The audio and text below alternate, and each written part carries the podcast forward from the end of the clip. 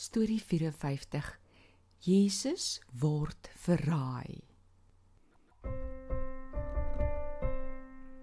Kom luister na die storie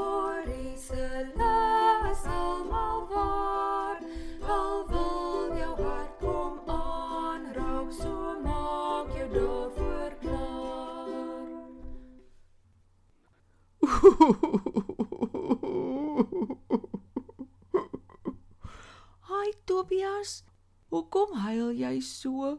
Hallo Tony. Ek is hartseer omdat 'n gaatjie lelik dasing het ngai. Hy het ter ander ngaats goeters gesê van ngai dat nie daar is nie. Ai Tobias, ek is so jammer. Miskien kan Tannie Sergaye storie vertel dat ek kan vergeet Tannie hartseer. Ek kan vir jou die storie vertel van Jesus se groot hartseer toe een van sy 12 beste maats baie lelik was met hom.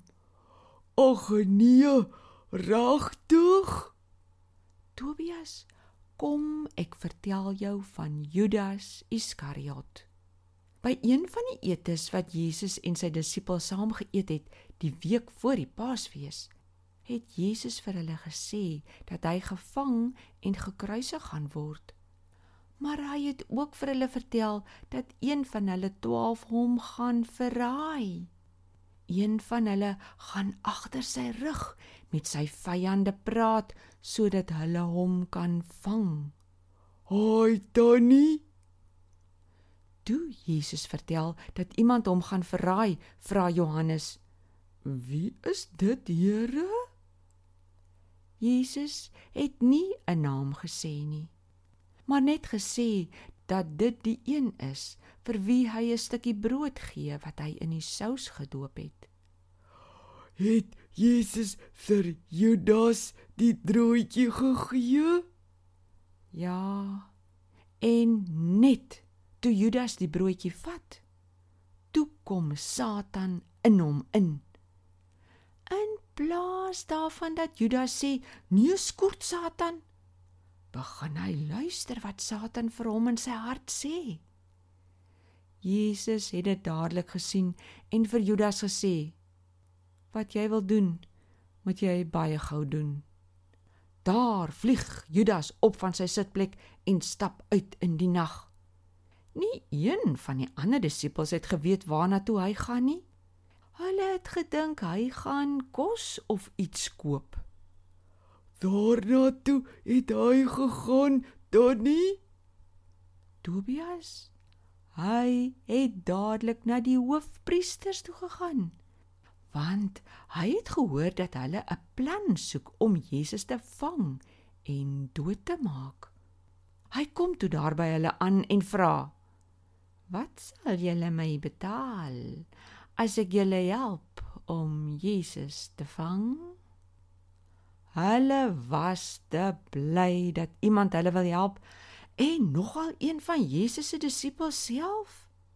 Hulle gee hom toe 'n sak met 30 silwer muntstukke. Dis vreeslik, Tannie. Tobias, jy onthou die nagmaal, die ete waar Jesus die brood en wyn vir sy disippels gegee het en vertel het hulle moet baie so saam eet om hom te onthou? Ja, Tannie, ek onthou dit goed. By daai ete het Jesus vir sy disippels gesê hulle gaan hom almal in die steek laat. Dit beteken hulle gaan weghardloop as hy eintlik hulp nodig het. Petrus sê toe: Nee, nooit. Ek sal dit nooit doen nie. Ek sal saam met u sterf. Maar Jesus het hom baie hartseer aangekyk en vir hom gesê dat hy nog in daardie selfde nag voordat die hoenderhaan vroegoggend kraai, 3 keer gaan sê dat hy glad nie vir Jesus ken nie. En Judas dan nie? Judas het mos toe al klaar vir die skrifgeleerdes gaan sê hy sal 'n tyd soek wat hulle vir Jesus kan vang. Hulle het klaar geëet, 'n loflied vir God gesing en toe staan almal op. Hulle het 'n gewoonte gehad om soms nags na die Olyfberg te gaan om daar te bid. Die disippels is saam met Jesus, maar Judas het weggeglip. Na die hoofpriesters toe Presies. Hy het gesien hier is dalk nou 'n geleentheid om vir Jesus te vang. Hy het vir hulle gaan vertel dat Jesus na die Olyfberg se kant toe is, daar na die tuin met die baie bome wat hulle Getsemane genoem het. En toe Donnie, Tobias, as jy weer kom, gaan ek jou vertel wat daar in die tuin van Getsemane gebeur het. Sjoe Donnie, ek gaan vinnig weer kom om te hoor. Maar ek het nou iets te sê. En wat is dit? As ons wonderlike Jesus se vriend so lelik net hondas en glad geld gesat het by sy vyande om hom te help vang. Hoef ek nie so slegte voel oor my ngaatjie dat lelik net my das nie. Jesus verstaan hoe dit voel.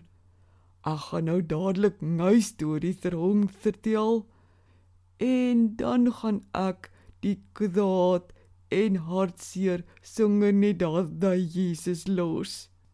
Daai dankie vir die storie Tannie. Ek loop nou dat ek gou weer kan kom vir die volgende storie van Getsemane. Totsiens Tannie. Ek is so bly jy weet jy kan alles vir Jesus vertel.